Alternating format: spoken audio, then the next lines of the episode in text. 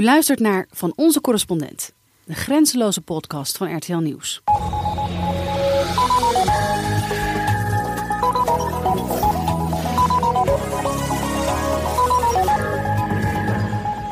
Welkom bij de achtste aflevering van de podcast van de correspondenten van RTL Nieuws. Iedere twee weken praten we over de buitenlandse actualiteiten of over iets in onze verschillende standplaatsen dat het nieuws deze week juist niet heeft gehaald. Ik ben Stefan de Vries en ik ben correspondent in Parijs. En van hieruit nemen jullie mee naar onze correspondenten over de hele wereld. En deze keer gaan we naar New York, Berlijn, Parijs en Londen. Attention à la marche en descendant du train.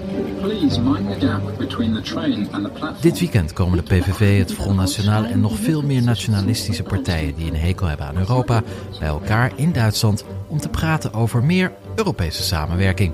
Onze correspondent Jeroen Akkermans is daarbij aanwezig en hij blikt alvast vooruit. Er is goed nieuws voor de Fransen. Zij betalen dit jaar geen cent inkomstenbelasting. En hoe dat kan, vertel ik u zo. En volgens het Rode Kruis dreigt er in Groot-Brittannië een humanitaire ramp. De boosdoener, het zorgstelsel, de NHS, waar de Britten tegelijkertijd bang voor en trots op zijn. Anne Sane in Londen legt uit. Maar we gaan nu eerst naar This is a Manhattan-bound 6 local train. New The York. next stop is Hunts Point Avenue. Stand clear of the closing doors, please. Vrijdag 20 januari om 6 uur Nederlandse tijd volgt Donald Trump Barack Obama op, die na acht jaar president te zijn geweest vertrekt. We praten nu met Erik Mouthaan, onze correspondent in New York. Eh, die hebben we nu aan de lijn. Erik, je bent al tien jaar correspondent in de VS. De hele carrière van Barack Obama, of ja, eigenlijk andersom. Barack Obama heeft zijn hele carrière als president onder jou uitgezeten. Hoe kijk je tegen deze bijzondere machtswisseling aan? Nou ja, het eind van een tijdperk. En eh, ik zeg altijd, je kan de vorige president beter eh, beschouwen als je zijn opvolger ziet. Want dat is vaak een commentaar op degene die, eh, die vertrekt. Ehm, en eh, Obama was een, eh, iemand die ja, heel erg campagne voerde als een, iemand die het land zou verenigen. Die alle groepen bij elkaar zou brengen. Nou, dat is niet gelukt. Kan je zeggen, lag aan hem. Kan je zeggen, lag aan de Republikeinen. Maar het is in ieder geval niet gelukt. En nu hebben we iemand die ja, eigenlijk het tegenovergestelde beweert. Die, die zegt van... weet je, die heel duidelijk uitkomt voor zijn mening en voor, opkomt voor zijn groep. En die met een heel andere taal ook praat dan we van Obama gewend zijn. Dus niet meer mooie speeches en, en ehm, dure woorden, maar gewoon recht voor zijn raap en beledigingen. Ik bedoel, afgelopen week zag je dat toen Obama zijn grote speech gaf als afscheid en daarna die persconferentie van Trump. Het verschil kon niet groter. Het contrast tussen de twee wordt steeds groter, inderdaad. Zijn er al Trump-stemmers die inmiddels spijt hebben van hun keuze afgelopen november?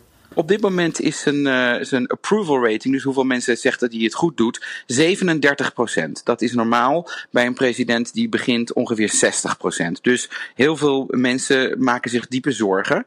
Eh, maar zijn aanhangers die, eh, die, die, die zeggen, nu gaat het gebeuren. Nu gaan we verandering zien. En we zien natuurlijk heel veel signalen die door de linkse mensen als negatief uitgelegd worden. Door rechtse kiezers heel positief worden bevonden. Al die mensen uit het zakenleven in het kabinet, al die miljonairs en miljardairs. eh, nou, daarvan eh, zegt eh, links, nou, die hebben vast belangenverstrengelingen, conflicten. De baas van oliebedrijf Exxon gaat straks over het feit of Exxon wel of niet mag naar Rus in Rusland naar olie mag boren. Dat zeggen de ene, ene kant van de mensen. De andere kant van de mensen zegt: luister, de economische groei is een paar procent. De werkloosheid daalt nog steeds, maar niet echt veel. Misschien dat al die mensen uit het zakenleven wel een impuls kunnen geven aan ons land. Ondertussen krijgen journalisten, onze collega's, er flink van langs van Trump. Hoe Ja. zie jij de relatie tussen de nieuwe president en de media de komende vier jaar? Nou, ik maak me een beetje zorgen over de pers. Eh, onze relevantie eh, is natuurlijk iets waarvoor we moeten knokken. Zeker in een tijdperk dat mensen nieuws van sociale media halen. En ook eh, fake nieuws, nepnieuws eh, de ronde doet. En de kandidaten boven, over de hoofden van de journalisten heen contact hebben met hun achterban. Eh, kijk, eh, de journalisten vinden het heel erg dat er een CNN-man wordt uitgescholden door Donald Trump. Ik denk dat de meeste kijkers thuis zeggen van mooi, jullie, jullie duwen me altijd door de strot wat ik moet vinden, CNN. Mooi dat jullie ook eens een keer op je nummer gezet worden. Dus ik heeft geen zin om te klagen over wat zijn wij zielig als journalisten. Dat eh, is ook helemaal niet aan de orde. We hebben een groot, eh, grote megafoon. Mensen luisteren naar ons, dus we moeten ook kritiek kunnen verdragen. Alleen wat, waar ik me zorgen over maak, is dat heel veel uh, onwaarheden verkondigd kunnen worden zonder dat er tegengas gegeven kan worden door de journalistiek. Ja, sterker nog, als er tegengas gegeven wordt, dan, dan wordt het vaak weggewuifd met, ach, dat zijn de media, die kun je niet meer vertrouwen. Of uh, fake news, zoals Trump zei. Ja, en het is natuurlijk extreme partijdigheid. En wat je ziet is dat Trump een heel leger aan uitingen, media-uitingen heeft, die zeg maar niet journalistiek zijn, zoals een, een roddelblad in de supermarkt dat al maandenlang eerst riep dat Hillary Clinton uh, dood ging en of, of uh, allerlei geheimen had, dat ze lesbisch was. En nu alleen maar roept Trump is geweldig. Nee, je kan zeggen, ja, zo'n roddelblad in de supermarkt. Wie kijkt ernaar? Nou ja, heel Amerika komt daar langs op weg naar de kassa en ziet dat staan aan, bij de kassa in het rek. Dus weet je wel, dat kan wel degelijk impact hebben. Welk blad is dat? Dit is de National Enquirer. Dat is gewoon een soort uh, oud roddelblad. En je ziet dat heel veel media, we gaan een beetje de kant op van wat we in Rusland zien met RT, RT, die, die zender. Dus dus daar is bezorgdheid over. Nu is vrijdag de inauguratie van Donald Trump. Jij bent daarbij aanwezig in Washington. Ja. Hoe heb je dat geregeld? Hoe het werkt is dat je, je, je belt een van de grote persagentschappen op die dat soort dingen regelen. En zeggen ik wil graag live zo en zo laat. En dan kun je, kun je ons erin krijgen. En dan zeggen ze ja, we vragen gewoon bij de, het organiserend comité, vragen we die uh, een pas voor je aan. En dan gaan we dat gewoon regelen. Kijk, je moet niet vergeten, dit wordt niet echt georganiseerd door Trump zelf. De inauguratie is een enorm spektakel dat al maanden van tevoren voorbereid werd door een, ja, door een gemengde groep een, van beide partijen. En uiteindelijk neemt natuurlijk de partij die wint heeft het voortouw over. Maar die, die organisatie, is, die, dat podium werd al in oktober gebouwd, kan ik je vertellen. Het is zeg maar eh, altijd een heel Amerikaanse aangelegenheid. Ik kreeg altijd de vraag van, hey, komen er, uh, ko gaat de koning daar niet heen of zo? Uh, het is eigenlijk in de traditie van Amerika zo dat ze geen buitenlandse staatshoofden erbij hebben. Het is namelijk zeggen, dit is onze aangelegenheid. En vervolgens gaan we wel bij die staatshoofden langs of komen ze langs op Witte Huis. Maar we gaan niet een soort van wereldwijde feest met royalty organiseren. Daar zijn ze niet zo van in Amerika. Ja, dus geen uh, buitenlandse staatshoofden, koningen of presidenten aanstaande vrijdag? Voor zover we weten in ieder geval, ja. Maar wel Erik Mouthaan. ik zal erbij zijn. Het is bitterkoud trouwens natuurlijk. Hè. Wie het bedacht heeft om dat in januari te doen is niet helemaal duidelijk. Maar het kan ongeveer min 10 zijn of misschien plus 10. We zullen het zien. Ja, we zullen het zien en we zullen ook naar jou kijken natuurlijk aanstaande vrijdag op RTL Z en op RTL 4. Dankjewel, Erik Mouthaan in New York. Overstappen voor de richting Berlijn.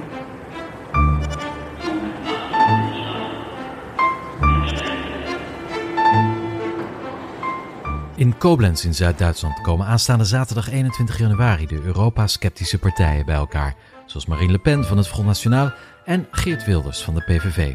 Jeroen Akkermans in Berlijn, wat staat er op het programma daar dit weekend? Nou, dat staat nog lang niet vast. Uh, dit is eigenlijk bedoeld om uh, elkaar een beetje af te tasten, vertrouwen op te bouwen, de samenwerking uit te bouwen. En dat is eigenlijk het uh, belangrijkste thema voor zover we het nu weten voor aanstaande zaterdag.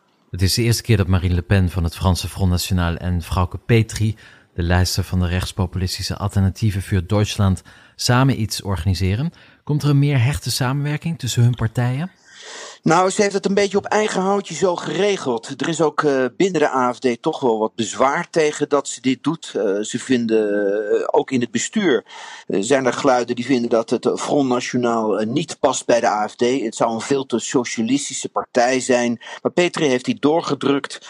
dat heeft misschien ook wel te maken met haar man, die in de fractie van de AFD in het Europese parlement zit en daar een beetje de lijnen uitzet. Um, laten we het zo zeggen, ze willen toch even aftasten in hoeverre dat mogelijk is om uh, de samenwerking met het Front Nationaal in elk geval af te tasten. Is het niet ironisch dat juist deze anti-Europa-partijen meer samenwerking zoeken binnen Europa? Ja, aan de ene kant wel. Um, uh, het is natuurlijk uh, Europese samenwerking, dat is uh, hen een, een doorn in het oog. Um, maar er is natuurlijk wel een overeenkomst. Ze willen allemaal het soevereiniteit terughalen naar het eigen land. Maar het levert ook wel gewin op, ook financieel. Want samenwerking zorgt er ook voor meer toelagen naar de fractie toe. Hoe meer je samenwerkt, hoe sterker je staat. En hoe meer uh, toelagen er is uh, vanuit het Europees parlement. Dus het levert ook in dat opzicht nog iets op. Nu is een van de helden, of in ieder geval een van de vrienden van veel van de Europese nationalistische partijen, Vladimir Poetin, de Russische president. Onderhoudt de AFD um, ook warme banden met het Kremlin? Nou, dat proberen ze in elk geval tot op heden zeer, op een zeer afst grote afstand te, houden. Daar wordt hier en daar wel eens over gespeculeerd, ook omdat ze inderdaad kritisch zijn um, over uh, het gedrag van Oekraïne. Maar um, dat is ook tot dusver eigenlijk ook de kritiek was ook ten opzichte van Front Nationaal en ten opzichte van Wilders. Dus het is ook een beetje eieren lopen voor Petri. Maar dat ze dit, uh, deze stap gezet heeft tot, uh, nou in elk geval dit congres, dit ja, een soort van samenwerkingscongres in, in Koblenz, geeft wel aan van wat de visie is van Petri. En die bepaalt uiteindelijk toch wat, wat de partij gaat doen. Het is voor het eerst dat deze partijen samen zo'n Europees congres organiseren. Ik neem aan dat de pers massaal aanwezig zal zijn. Ja, maar uh, niet allemaal, want uh, er zijn toch een aantal uh, publieke omroepinstellingen die er niet bij mogen zijn. Ook Spiegel mag niet naar binnen, de Frank Frankfurt Allgemeine Zeitung mag niet naar binnen, Handelsblad. Um, ja, Presse lukt, hè, zeggen ze dan. En daarom zetten ze een aantal journalisten buiten de deur. Dat klinkt niet heel erg democratisch. Nee, maar uh, ze mogen niet bij het congres zijn. Ze mogen uiteindelijk weer wel bij de persconferentie zelf zijn. Um, ik denk dat uh, instanties als de ARD graag zelf die keuze hadden willen maken. En uh, uiteindelijk is dit natuurlijk ook, ja, ook weer een, een, een kolf eh, naar de, de, de mensen die zeggen van zie je wel, de AFD censureert uh, de journalisten. Um, ja, deze strijd tussen de journalistiek aan de ene kant en uh, de AFD aan de andere kant, die zal nog wel voortduren. En ook wordt door dit besluit verdiept worden. Um, maar ja, denk je ook dat er veel Franse journalisten bij zullen zijn? Ja, ik vermoed van wel. De campagne voor de presidentsverkiezing hier in april is natuurlijk volop bezig. En de afgelopen weken is Marine Le Pen uh, opvallend stil geweest. Uh, ze was eigenlijk niet in de media tijdens uh, de feestdagen. En dit is dus het eerste grote evenement van dit jaar. Ze heeft er zelf ook ja, groots op ingezet. Ze noemt het de alternatieve Eurotop. En Le Pen eh, wil vooral Merkel uh, laten zien dat er een ander Europees geluid mogelijk is. Want volgens Marine Le Pen is uh, Merkel de verantwoordelijke voor alle problemen in Europa. Um, dus dat is haar doel om, om aanstaande zaterdag erbij te zijn. Um, ga jij daar eigenlijk naartoe? Ja, ik, ik, ben, er, uh, ik ben erbij. Um, alleen al uit nieuwsgierigheid. Um, ik wil natuurlijk ook weten wat uh, Wilders gaat zeggen. Het is in elk geval voorzien dat uh, zowel Le Pen als Petria en Wilders een toespraak zullen houden in de ochtend. Dus ik ben benieuwd wat ze te verkondigen hebben. Oké, okay, we zullen het zien. Aanstaande zaterdag dus in Koblenz in Duitsland de bijeenkomst van Europese nationalistische partijen. Dankjewel, Jeroen Akkermans in Berlijn. Dit is van onze correspondent de grenzeloze podcast van RTL Nieuws.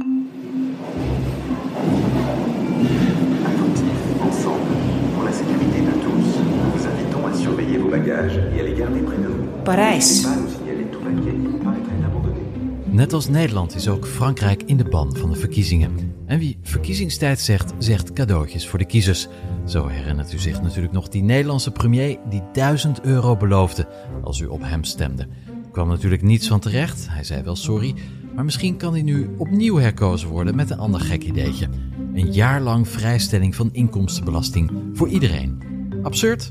Toch is dat precies wat alle werkende Fransen dit jaar krijgen. Over hun inkomsten in het nieuwe jaar betalen ze namelijk geen cent belasting. Een sympathieke maatregel die de Franse schatkist volgens de regering geen stuiver kost. Het klinkt te mooi om waar te zijn, dus ja, hoe zit dat? Nou, Frankrijk is een van de weinige landen ter wereld waar mensen geen inkomstenbelasting betalen op het moment dat ze werken, maar pas een jaar later. Tot nu toe hielden Franse werkgevers sociale premies in op het bruto salaris, maar niet de belasting. Die betaalden de werknemers het jaar erop zelf. En dat betekende dat het hele jaar een bedrag gespaard moest worden om het jaar erop aan de verplichtingen te kunnen voldoen. Dat klinkt uh, ingewikkeld, maar voor de Fransen was het totaal logisch. En misschien dat daarom niemand op het idee kwam om mij over dat systeem te vertellen, want toen ik in Frankrijk begon te werken, wist ik echt van niets. En dat kwam me nog eh, duur te staan, want op een gegeven moment uh, kreeg ik een boze brief van het Trésor Public, de Franse Belastingdienst, of ik even binnen een week 20.000 euro over zou maken over wat ik had verdiend de voorgaande drie jaar. En ja, dat was een wat uh, Kafkaeske situatie, maar daar komt nu dus een einde aan, want dat gekke systeem verandert op 1 januari 2018. Vanaf dan gaat Frankrijk over op bronbelasting, zoals het in Nederland en, en bijna alle andere Europese landen al bijna een eeuw gaat. De werkgever houdt de inkomstenbelasting in op het salaris en wat u op uw rekening krijgt is eh, netto bijna helemaal van u. Omdat het volgens de Fransen onmogelijk is om van de ene op de andere dag op het nieuwe systeem over te stappen, is 2017 een overgangsperiode. Dat noemen ze une année blanche, oftewel een blanco jaar. En dat is dan vooral blanco voor de belastingbetalers. Eh, de geldstroom naar de Franse Belastingdienst zal niet stoppen, want de meeste Fransen betalen dit jaar hun inkomstenbelasting over 2016. Dus dat gaat gewoon door. En vanaf 1 januari 2018 gaan ze dan maandelijks belasting betalen over hun inkomen uit, uit diezelfde maand. Het is dus een boekhoudkundige truc van de Franse staat, maar ze lopen natuurlijk wel een heel jaar mis. En dat is toch zo'n 70 miljard euro. Maar de Fransen zouden de Fransen niet zijn als ze niet zouden klagen over dit belastingvrije jaar. Want als volgend jaar de werkgever de belasting gaat inhouden, krijgt die ineens inzicht in het financiële huishouden van de werknemer. Tot nu toe was dat altijd strikt gescheiden. En ja, misschien heeft de werknemer wel een rijke partner of inkomsten uit onroerend goed. En waarom zou je dan nog een salarisverhoging nodig hebben? Zo redeneren de Fransen die altijd ja, vol wantrouwen tegenover hun baas staan. En werkgevers vinden het nieuwe systeem waardeloos, omdat zij nu ineens veel meer werk hebben, omdat ze in hun ogen een kastkantoor voor de fiscus worden. En tot overmaat van ramp is het blanco jaar als verkiezingsstunt ook mislukt. François Hollande is zo impopulair dat hij in mei niet eens kandidaat is en het staat nu al vast dat zijn socialistische partij een zwaar verlies zal leiden. Dus uiteindelijk is de 100% belastingverlaging een sigaar uit eigen doos, maar de Franse Trésor Public doet dus iets wat in Nederland onmogelijk is. Ze maken belasting tegelijkertijd makkelijker en leuker. De volgende halte is Londen. Mind the gap. Er dreigt een humanitaire ramp in Groot-Brittannië. Dat zegt althans het Britse Rode Kruis. En dat ligt dit keer niet aan de Brexit of aan Europa, maar aan iets waar de Britten nog trotser op zijn dan op hun cup of tea en the Queen. Het gaat om de NHS, de National Health Service. Wat is dat precies en waarom zijn ze daar zo trots op? Anne Sane in Londen. Nou, de NHS is eigenlijk uh, het ziekenfonds zoals je dat in Nederland vroeger kende. Dus alle mensen zijn daarbij aangesloten. 85% van de Britten zijn aangesloten bij de NHS. En dat is de, uh, ja, de, het uh, ziekenhuissysteem, eigenlijk het, de medische zorg hier in Groot-Brittannië. Bijna niemand heeft een verzekering, een privéverzekering. Alles gaat via de NHS. Daar hoef je weinig voor te betalen. Um, alleen voor medicatie. Als je dat recept ophaalt, betaal je 7 pond. En zit het allemaal in de belasting in. Dus je betaalt ook niet maandelijk, zoals in Nederland, uh, zorgverzekering. Dus wanneer jij in Londen naar je huisarts gaat of naar een andere arts, dan, dan betaal je nooit iets? Nee, dan betaal je niks. Uh, als je als Nederlander bij uh, een Britse dokter komt vanwege een uh, spoedgeval, dan laat je je ziekenpas zien, je, je zorgverzekering, en dan hoef je niets te betalen. Nu is de NHS voor de Britten heel dierbaar. Uh, het bestaat al sinds 1948, een van de wonderen van de naoorlogse wederopbouw. Maar nu werkt het niet meer zo goed. Hoe kan dat? Nee, het werkt zeker niet meer zo goed. In de zin dat het eigenlijk gewoon te duur aan het worden is. Uh, deze winter waren er vier van de tien ziekenhuizen in heel Engeland die het aantal patiënten gewoon niet aan kan. Doktoren werken overuren. Uh, de wachttijden zijn enorm. Je moet binnen vier uur geholpen worden op de spoedeisende hulp bij de afdelingen in, uh, in het ziekenhuis. En um, nou, dat gebeurt vaak niet. Er is een beddentekort. Er kwam deze week ook een foto naar buiten van een peuter die op op een kussen op twee tegen elkaar geschoven stoelen ligt in plaats van in een bed. Een groot deel van de ziekenauto's wordt weggestuurd uh, bij ziekenhuizen omdat ze het aantal patiënten dus niet meer aankunnen. En de British uh, Red Cross, het Rode Kruis in Groot-Brittannië, die noemden het uh, dit weekend een humanitaire crisis in de Engelse ziekenhuizen. Dus nee, goed gaat het zeker niet. Ja, ondanks deze problemen wordt de NHS ook wel eens de nationale religie genoemd van Engeland. Waarom zijn de Britten er zo trots op? Ja, nou, het is zo dat uh, uh, de Britse samenleving nog steeds heel uh, verdeeld is in klassen eigenlijk, in sociale klassen. En dit is een van de weinige instituten in Groot-Brittannië die dat dus niet meer kent. Wat ik al zei, 85% van de Britten is gewoon, uh, hoort bij de NHS. Die zijn daarbij ingeschreven. Uh, en het, of je nou rijk bent of arm, uh, dat maakt niet uit. De NHS helpt iedereen. Dat was de grote trots van de Britten. Een van de weinige goed geslaagde, klasseloze systemen in, in de Britse samenleving. nou, en nu blijkt dat het, het aantal mensen gewoon te groot is. ja, wie worden er dan vaak de schuld krijgen daarvan? Dat zijn dus immigranten. Ehm, maar het, het feit is gewoon dat mensen uh, langer leven uh, als ze genezen van, van ernstige ziektes. Ze nog wel vaak nazorg nodig hebben. Mensen gaan sneller naar het ziekenhuis dan misschien vroeger. En ja, vooral in Londen is het, het bevolkingsgroei ook enorm. De NHS is dus zelf behoorlijk ziek. Is er een medicijn of een oplossing in zicht? Nou, in zicht zeker nog niet. Uh, er, is, uh, er zijn heel wat stakingen geweest, ook al in het afgelopen jaar, van jonge doktoren die de druk eigenlijk niet meer aankunnen. Um, de minister van, van Volksgezondheid, die zegt dat een, um, ja, de doelstelling van binnen vier uur geholpen worden bij de spoedeisende hulp misschien versoepeld moet gaan worden. Dus dat is geen oplossing, dat is alleen het versoepelen van de regels. En hij zegt ook dat mensen met kleine verwondingen misschien niet naar die spoedeisende hulpen moeten. Dat klinkt logisch, maar waar moeten ze dan wel heen? Want doktoren, uh, um, gewone huisartsen, die uh, kunnen het aantal patiënten ook niet meer aan. Dus die, die patiënten moeten toch ergens terecht kunnen.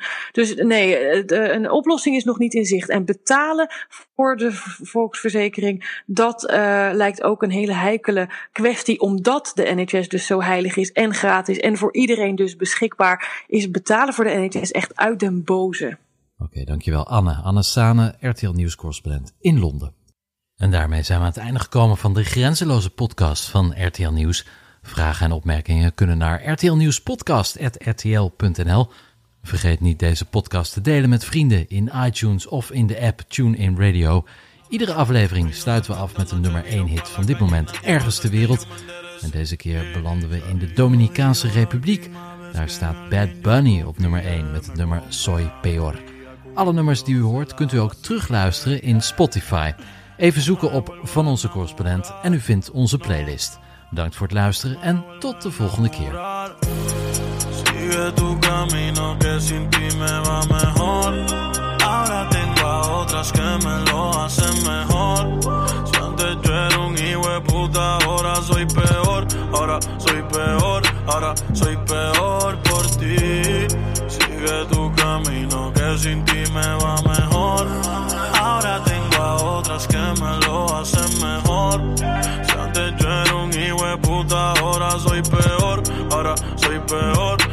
Soy peor por ti.